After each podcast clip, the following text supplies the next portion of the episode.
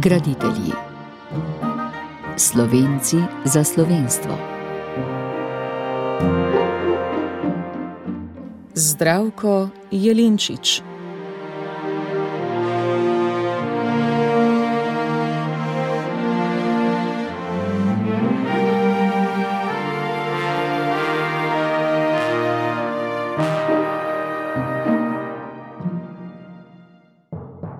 Pesnik, prevajalec in publicist Zdravko Jelinčič je pustil svoje sledi v domovini, zamejstvu in izseljenstvu. Doma je bil z Črnega vrha nad Idrijo, odkuder so družino v času fašizma prisilno izselili pod Apenine.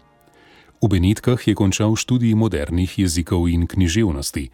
Po vojni je nekaj časa učil v Goriškem klasičnem liceju, zatem pa v Šempetru. Zaradi težav s komunistično oblastjo se je konec 50-ih let umaknil v Kanado in tam nadaljeval s poučevanjem. Pisal je pesmi v slovenščini, italijanščini in ruščini, išle so v treh zbirkah. Posebno pozornost je namenil prevajanju starih latinskih besedil v slovenščino in pripravil pregled latinske literature na slovenskem. Najbolj odmeven je njegov prevod zgodovine Martina Bavčarja, ki je išel pod naslovom Zgodbe Norika in Furlanije. Zanimal se je tudi za etruščino in njene sledi na naših tleh. Zdravko Jelinčič se je rodil 8. marca leta 1921 v Črnem vrhu nad Idrijo in dobil ime po svetem Valentinu, zato se je podpisoval tudi Valentin.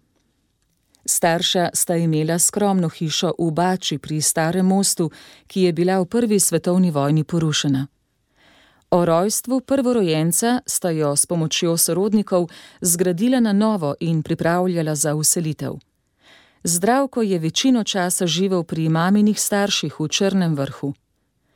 Ko bi se morali za stalno preseliti v nov dom, je fašistična oblast očeta kot upornega slovenca z družino vred jeseni leta 1926 preselila v notranjost Italije, najprej v kraj Este. Za mladega zdravka je bila to huda preizkušnja, saj se je naenkrat znašel sam v tujem svetu. Še huje je bilo materi in očetu, saj sta morala zapustiti dom, ki sta ga z velikim trudom obnovila. Trpel nisem samo jaz. Neizbrisen mi še danes ostaja v spominu trpki očetov obraz, ki je bil po naravi vesel in prijazen, a zdaj ne več. In mama, ki si je brisala solze pri štedilniku, istočasno pa še zibala malega Jožeta, ki je bil le nekaj mesecev star in bolan. Pred glavnim vhodom pa se spominjam stolčka, na katerem sem presedel sam dober del dnevov nikogar ni bilo, da bi se lahko z njim igral. Zdravko je kmalo odšel v vrtec in se tam mimo grede naučil tujega jezika, ki ga potrebujejo otroci pri igri. V novem kraju so ostali šest, sedem mesecev in spet so morali drugam, tokrat še bolj proti jugu, v Furli pod Apenine. Tam je zdravko začel hoditi v šolo, kjer je lahko slišal le italijanščino. Starša sta doma govorila slovensko in upala, da bodo tudi otroci ohranili materinščino. Zdravko, ki je bil rojen še v domačem kraju, je imel največ posluha za to. Pozneje je zapisal: V Forliju nismo našli slovenske družine. Mama je spoznala samo eno slovenko iz postojne, ki je bila poročena z nekim italijanskim maršalom Orožnikom. Gospa je rada prihajala k mami na obiske, da se je lahko kaj malega pritoževala. Za nas, otroke, bi bil važen njen sinček, a ta nažalost ni znal slovensko in nam zato ni bil kaj dosti v pomoč. Zdravko je z enajstim letom končal obvezno osnovno šolo in se upisal v tehnično upravni zavod, da bi postal knjigovodja. Med počitnicami so lahko obiskali domače kraje, jeseni pa je bilo spet vse po starem. Šola, služba, predvsem pa tuje okolje. Oče si je vedno želel, da bi se vrnili bližje domu. Ko je leta 1934 znova prosil za premestitev po možnosti kam v Benečijo ali vsaj v Videm, so mu odgovorili, da lahko zaprosi za premestitev kamorkoli v Italiji, samo v svoje stare krajine. V tolažbo so ga premestili v Bolonijo. Tako so se jeseni z novim šolskim letom preselili v železniško stanovanje v tem mestu. V naselju, kjer so bivali železničarji, so bile takrat še tri bolj ali manj slovenske družine. Koflerjevi so bili iz žabnic in so imeli sinčka, ki je sicer znal nekaj slovenščine, vendar je z nami raje govoril italijansko. Skukovi so bili na pol Hrvatije, mati je bila iz Matuljev nad reko, oče iz Jevšan, vendar je večji del svojega življenja prebil na reki. Z nami je lepo govoril slovensko, doma pri njih pa je seveda vladala hrvaščina, katero sem mogel še kar dobro razumeti. Bili so zelo dobri, preprosti ljudje. Imeli so tri sinove mojih let in njih hrvaščina je bila zame odlična šola. Tretja družina so bili Terčonovi. Slovenci, kot je rad pravil oče, skrajnega zapada. Imeli so tri otroke. Važno je bilo zame nekaj drugega. Jezik, ki sta ga starša govorila, se mi je zdel čudovito lep in zveneč, dobesedno knjižen. Prihod v Bolonijo je za mladega fanta zdravka, čeprav so še vedno živeli v pregnanstvu, pomenil veliko spremembo. Že omenjeno Trčonovo gospo sta pogosto govorila o slovenskih izrazih, o besedah, ki niso naše, o njihovem izvoru. Podarila mu je prvo slovensko čitanko. To je bila ena izmed izdaj Župančičevega Cicibana. Ob njej je odkrival, kako čita, čita Ciciban, čita, čita dan na dan. Zakaj čitati in čitanka? ter ne brati in berilo. Zdravko Jelinčič je končal četrti letnik tehničnega zavoda in ker je pokazal izredno zanimanje za šolo, zlasti za jezike, sta ga starša preusmerila na učiteljišče. Izbral je smer, kjer je lahko diplomiral po treh letih in ne šele po četrtem letniku. Tako bi lahko čimprej prišel do službe in denarja, saj je očetova plača komaj zadostovala za preživljanje. S krajšanim študijem pa si je zdravko zaprl pot na Bolonsko univerzo, o kateri je sanjal. Primorski slovenci, ki so bili pregnani v notranjost Italije, so pogosto iskali medsebojne stike, si pomagali, spodbujali drug drugega. Tudi Zdravko Jelinčič je v času študija na učiteljišču imel stike z nekaterimi vrstniki, ki so pomembno vplivali na njega in ga spodbudili, da se je odločil za nadaljni študij. Bilo mi je kakih 16 let, ko nas je obiskal mlad držačan Zorko Ščuka, študent na Bolonski univerzi. Prinesel mi je nekaj slovenskih knjig in prosil, naj bi jih dal dalje, potem ko jih prečitam. Leto pozneje je isto napravil bolonski študent Milan Starc iz Kontovela nad Trstom. Tretje leto pa je prišel semeniščnik Bernardin Godnič iz Komna na Krasu, po vojni župniku Vrtojbi pri Gorici. Temu sem tudi povedal o svoji denarni stiski. Potreboval sem 700 lir za upis na univerzo v Benetkah. Bernardin je mlademu zdravku svetoval, kam naj se obrne, da bi dobil potrebno vsoto, a dlje od obljub ni prišel. Mama je imela nekje shranjenega nekaj denarja za zlato rezervo in dala mu je vse, kar je imela. Tako je bil sprejet na univerzo, kamor si je močno želel. A ni bilo preprosto. Vsak dan je sredi noči odhajal z vlakom v Benetke in se vračal domov ob enajstih zvečer le nekaj ur spanja, skoraj sedem ur vožnje na dan. Na srečo je bil železničarjev sin, zato je imel prost prevoz. Po nekaj mesecih je obležal. Na postaji, kjer je vstopal na vlak, so zvedeli zanj in mu ponudili službo pri poštni cenzuri. Z zaslužkom si je lahko kupoval tipkane zapiske predavanj, ki jih ni mogel več obiskovati študiral je doma in dostojno končal prvi letnik. Materi sem medtem že vrnil izposojeni denar. Plačal sem si drugi letnik že sam. Dvakrat na mesec sem hodil v Benitke, da si nakupim potrebnih dispens, drugače pa sem delal in se učil. Šlo je. In tako bi šlo še dalje, če me ne bi 28. februarja 1941 upoklicali v vojsko. V poklic mi je praktično pobral tri leta šolanja. V vojnem času je temu prilagojeno tudi urjenje novih vojakov. Zdravko je kot študent v letu dni opravil več zahtevnih tečajev in dobil naziv podporočnika. Marca leta 1942 je bil dodeljen šestemu regimentu streljcev v Bologni. Nekaj tednov zatem je odšel njegov bataljon na rusko fronto. Njega so zaradi odličnega znanja jezikov, od slovanskih jezikov do nemščine, zadržali doma. Poslali so ga še na dodatne izpite v Rim in po dveh tednih je bil že v Dubrovniku na poveljstvu šestega armadnega korpusa kot tolmač in prevajalec. Ves moj bataljon je ostal pokopan v Rusiji. Tu moram povedati, da že dolgo pred upoklicem sem pogostoma prosil Boga, da mi ne bi bilo treba nikogar ubiti.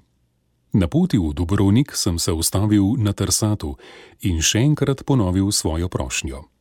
Bil sem uslišan. Moje delo je bilo najbolj pogostoma povezano z delovanjem Rdečega križa. Kljub službi, ki mu je bila dodeljena, je zdravko Jelinčič doživel vrsto težkih preizkušenj, zlasti na območju Bosne in Hercegovine. Po naključju ali bolje po božji previdnosti se je nekajkrat za las izognil smrti. Po kapitulaciji Italije jeseni leta 1943 je pristal v nemškem ujetništvu v Mostarju. Nemci so italijanske oficirje odpeljali proti Nemčiji, a potovanje je bilo počasno. Večkrat so se ustavljali, včasih za nekaj dni, in tako je zdravko še dvema držačanoma postanek blizu Zagreba izkoristil za pobeg. Prek Bele krajine in Notranske so srečno prispeli na Primorsko in do Trsta. Ko so svobodno zadihali, si je najprej želel domov v Bolonijo. Vlak se je ustavil nekaj kilometrov pred mestom. Naprej so bile tračnice razmetane, vagoni drug čez drugega, ob njih jame, ki so jih povzročile bombe. Tudi poslopja, kjer so stanovali, so bila porušena. V župnišču je zvedel, da živi oče s srednjim sinom Jožetom na podeželju, mama pa je z Ludvikom šla v Črni vrh. Pozno zvečer se je ustavil pri znancih in pri njih nepričakovano srečal mamo in najmlajšega brata, ki sta se ravno takrat vrnila v Bolonijo. Živi in zdravi so si kmalo uredili zasilno stanovanje. Zdravko je ob delu nadaljeval študij na univerzi v Benitkah. Leta 1946 je diplomiral, naslednje leto pa doktoriral na oddelku za tuje jezike in literaturo. Poslušate podcast Radia Ognišče. Podcast Radia Ognišče. Že pred končanim študijem je zdravko Jelinčič dobil vabljivo ponudbo iz Gorice. Na klasičnem slovenskem liceju, ki je zaživel pod zavezniško upravo, so potrebovali profesorje. Jeseni leta 1945 je začel poučevati na liceju in kmalu še na učiteljišču. Iz Bolonije so prišli še drugi člani družine in si uredili dom v Gorici. A zdravku se je odprla še ena nova stran v življenju. Po božiču leta 1945 je v Narodnem domu srečal učiteljico Zdenko, ki je pritegnila njegovo pozornost. Odkrito mi je povedala, da govori z mano, ker me je že parkrat videla v Narodnem domu. Vendar vedite, je to dala, da jaz nisem komunistka, sem le primorska slovenka in kot taka za Jugoslavijo, pa naj bo kakršna hoče. Med belimi in rdečimi ne delam preveč razlik. Vsi smo ljudje in samo Bog ima pravico soditi, kdo ima prav. Odgovoril sem, da se z njo povsem strinjam in da tudi jaz nisem nikoli in ne bom komunist. Tako sva se spoznala. Zdenka je bila učiteljica in crkvena pevka v Krombergu, živela pa je pri stricu, ki je imel gostilno v Lesinah v Goriškem predmestju. Po podpisu mirovne pogodbe in razmejitvi leta 1947 sta se odločila, da bosta ostala na jugoslovanski strani in se poročila. Poroka je bila 29. novembra leta 1947 v Župnijski cerkvi na planini pri Ajdovščini. Civilno sta se poročila že prej in tako dobila pravico do stanovanja v Šempetru. Zlata je začela učiti na Šempetrski osnovni šoli. Zdravko pa je dobil službo na novo ustanovljeni gimnaziji, ki je dobila svoje prostore v Šempetru. Ker dijakov vsaj na začetku ni bilo dovolj, so jih nekaj dobili iz Vipave in postojne. Na gimnaziji, kjer je leta 1951 maturirala prva skupina dijakov, je učil ruščino, po potrebi tudi latinščino in slovenščino. Ruščina je bila takrat še prvi obvezni tuj jezik, zato so imeli učitelji temu primerno mesto v profesorskem zboru. Dijak Mirko Kovač se zdravka Jelinčiča takole spominja. Po zvonjenju odmora je bila na vrsti ruščina. Razred se je umiril v pričakovanju. Vrata učilnice so se odprla, vstopil je mlad, pokončen, nasmejan profesor svetlih las in iskrivih oči. Razlika v letih med profesorjem in nami je bila vsaj pri zadnjih letnikih komaj šest let.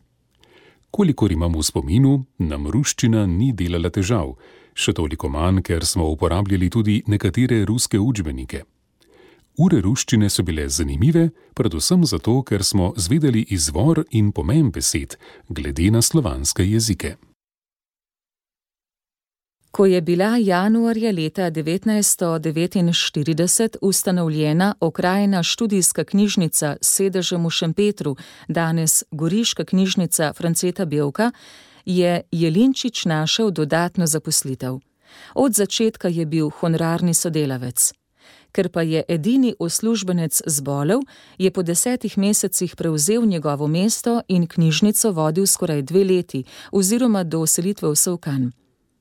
Jelenčič je užival v tej dodatni službi in jo hkrati izkoristil za študijsko izpopolnjevanje. Glede na navodila, kaj knjižnica sme imeti in kaj ne, je kmalo začutil, kje so meje nove svobode. Ljudska oblast je posegala na vsa področja življenja. Tako so v začetku 50-ih let časopisi odprli razpravo, kakšna naj bo socialistična šola. V javnost so prinašali ideje, ki so se rojevale na partijskih sestankih. Najprej je prišlo do ukinitve verouka. Verni učitelji, med katerimi je bil tudi Zdravko Jelinčič, so začeli doživljati raznovrstne pritiske, če že niso izgubili službe. Začelo je prevladovati prepričanje, da pravi učitelj socialistične mladine ne more biti tisti, ki eno uči, dela pa drugače. Zato pri nas ne bo mesta za učitelje, ki sicer uči, kakor jim to veleva učni načrt, pa se predajajo naukom misticizma in mračnjaštvu, kakor jih to uči crkav, so pisali. Prebivalci Šempetra so zdravka in zdenko lepo sprejeli, cenili so ju, ker se nista bala hoditi k maši. Prvo hčerko Zlatko sta prinesla k krstu v januarju leta 1949. Navzoč je bil tudi predsednik okrajne šolske mladine in začele so se težave. Zdravko je v spominih na ta čas zapisal. Ko se je višja gimnazija preselila iz Šempetra v Novo Gorico, je prosveta mene pustila na nižji gimnaziji v Šempetru in to kljub rednemu strokovnemu izpitu za višjo gimnazijo in doktoratu v Benetkah. Iz stanovanja, ki sem si ga priskrbel v Novi Gorici, s tem, da sem ga zamenjal za Šempetrskega, sem se moral voziti nazaj v Šempeter. Tudi Zdenka je bila presenetljivo premeščena v Novo Gorico in je bila po preselitvi spet poslana nazaj poučevati v Šempeter in to kljub nosečnosti.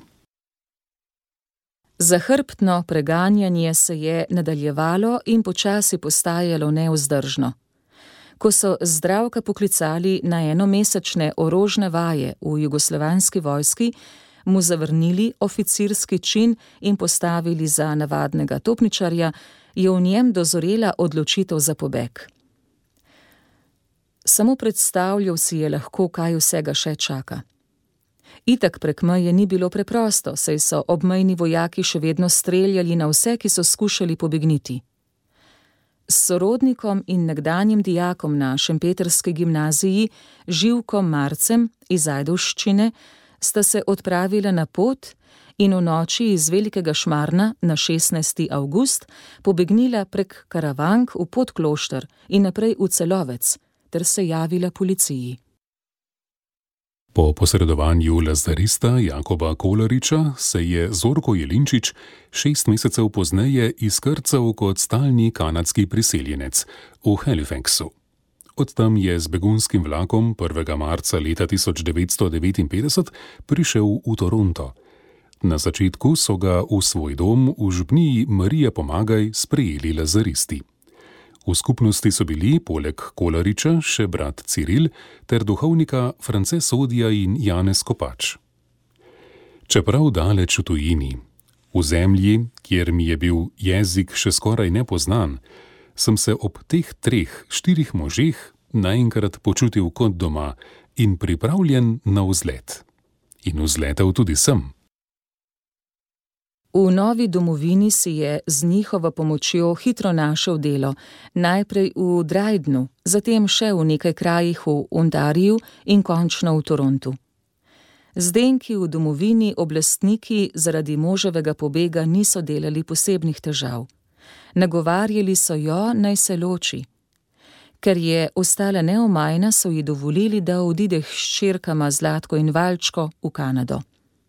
Pred koncem leta 1959 so bili spet skupaj. Zdravko Jelinčič je prav zaživel šele, ko je znova začel poučevati.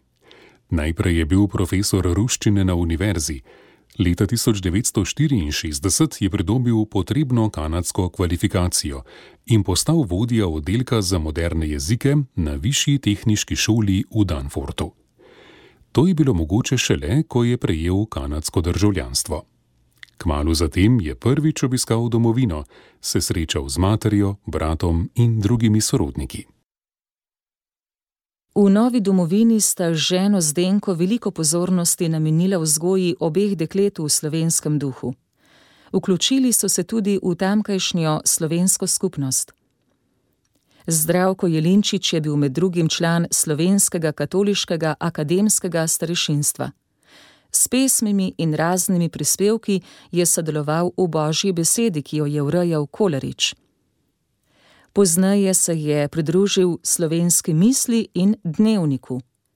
Povezal se je s krogom literarnih ustvarjalcev, v katerem so bili še Ted Kramolc, Ivan Dolenc, Cvetka Kocijančič in Tom Ložar. Poslušate podcast Radio Ognišče. Podprite nas svojo oceno.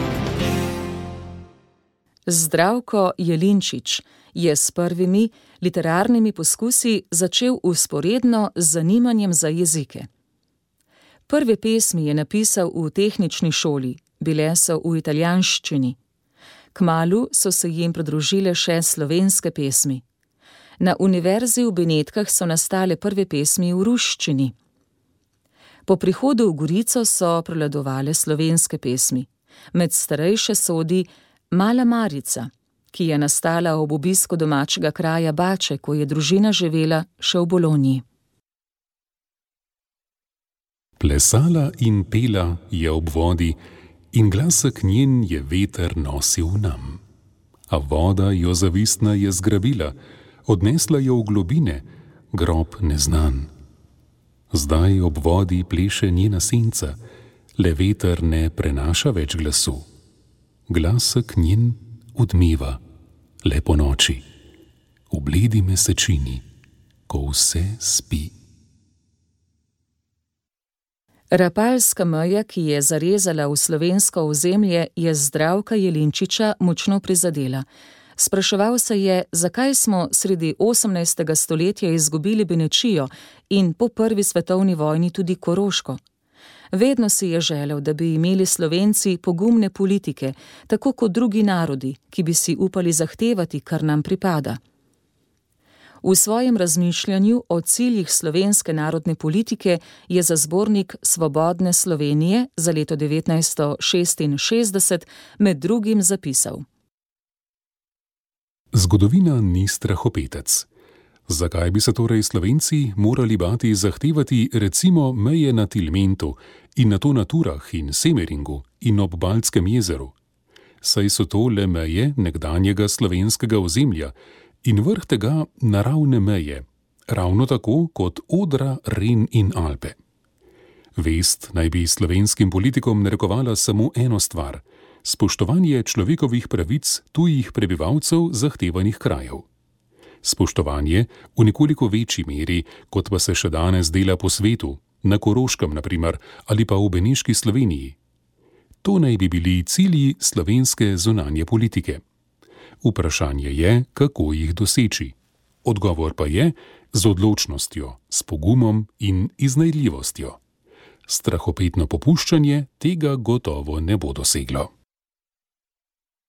Po drugi svetovni vojni je Zdravko Jelinčič pričakoval povsem drugačno Slovenijo, kot smo jo dobili po umiku zavezniških uprav na zahodni in severni meji.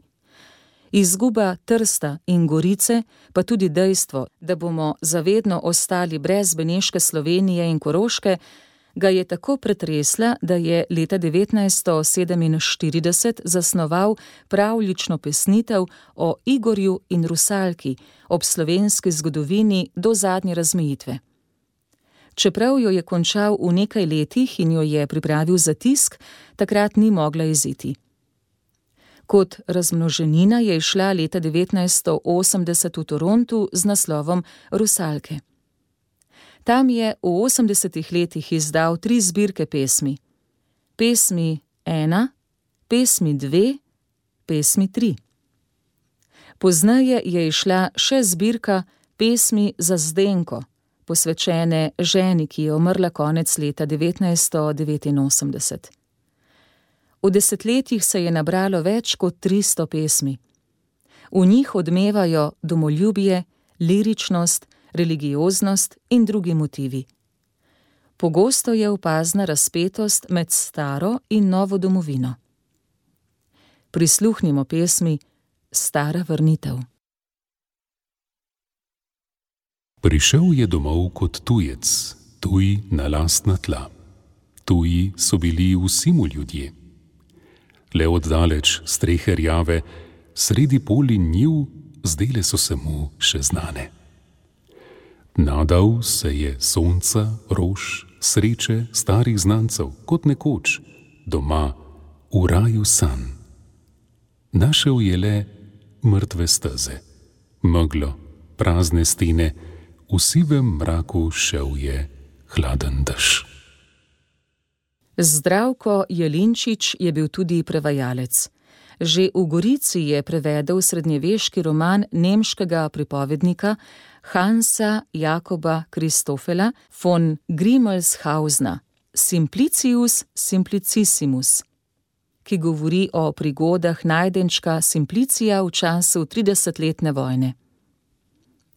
V času ustanavljanja Belkove knjižnice je želel za njo pridobiti obsežno delo prvega znanega zgodovinarja Slovenca Patra Martina Bavčarja, zgodovino Norika in Furlanije, ki jo je ta jezuit napisal v Gorici. Originalni latinski rokopis se je izgubil, ostali pa so prepisi.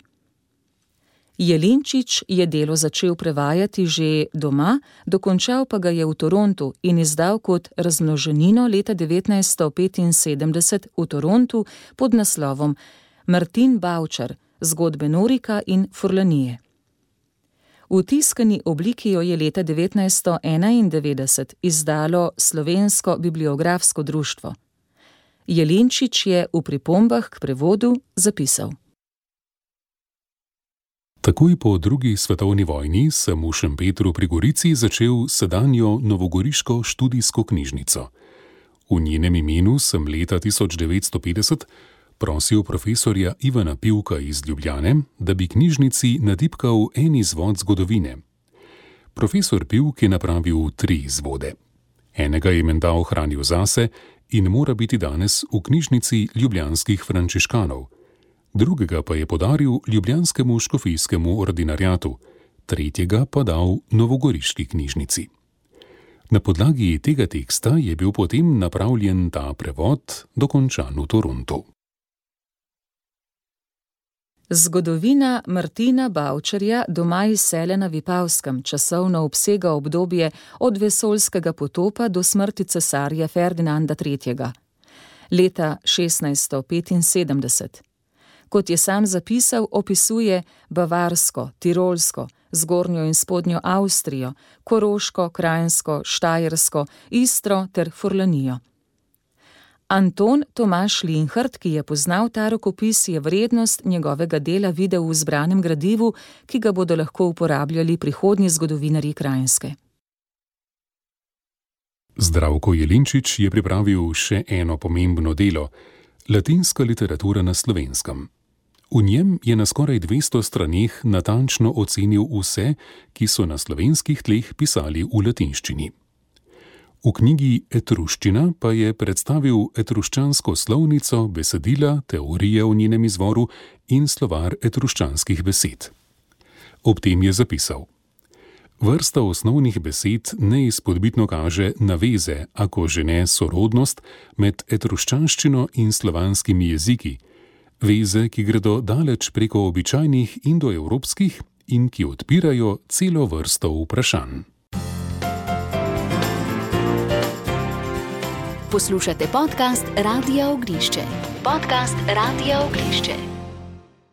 Zdravko Jelinčič je pred smrtjo izdal še spomine, ki so v ponatisu leta 2014 na pobudo njegovega dijaka in prijatelja Mirka Kovača išli pri založbi Salve.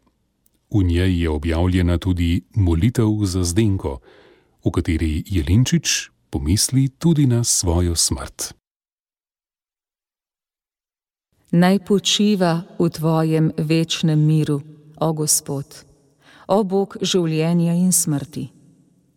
In daj, da tudi jaz ob njej zaspim, ko pride čas, ob njej počitek najdem, večni mir. In skupaj da odideva v neskončnost, o Gospod, tako kot sva hodila v tem življenju, z roko v roki, v večnost naj jo sprejmi.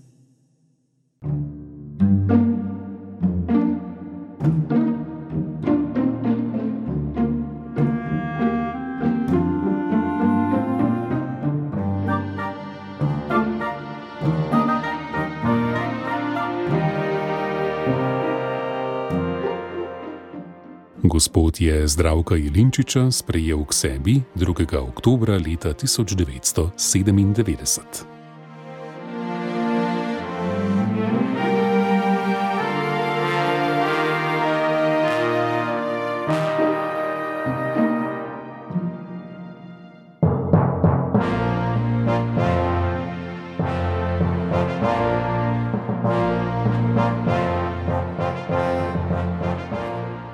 Oddajo o zdravku Valentinu Jelinčiču je pripravil Tone Gorjub. Brala sva Matjaš Mrljak in Nataša Ličen. Tehnično je oddajo uredil Boštjan Smole.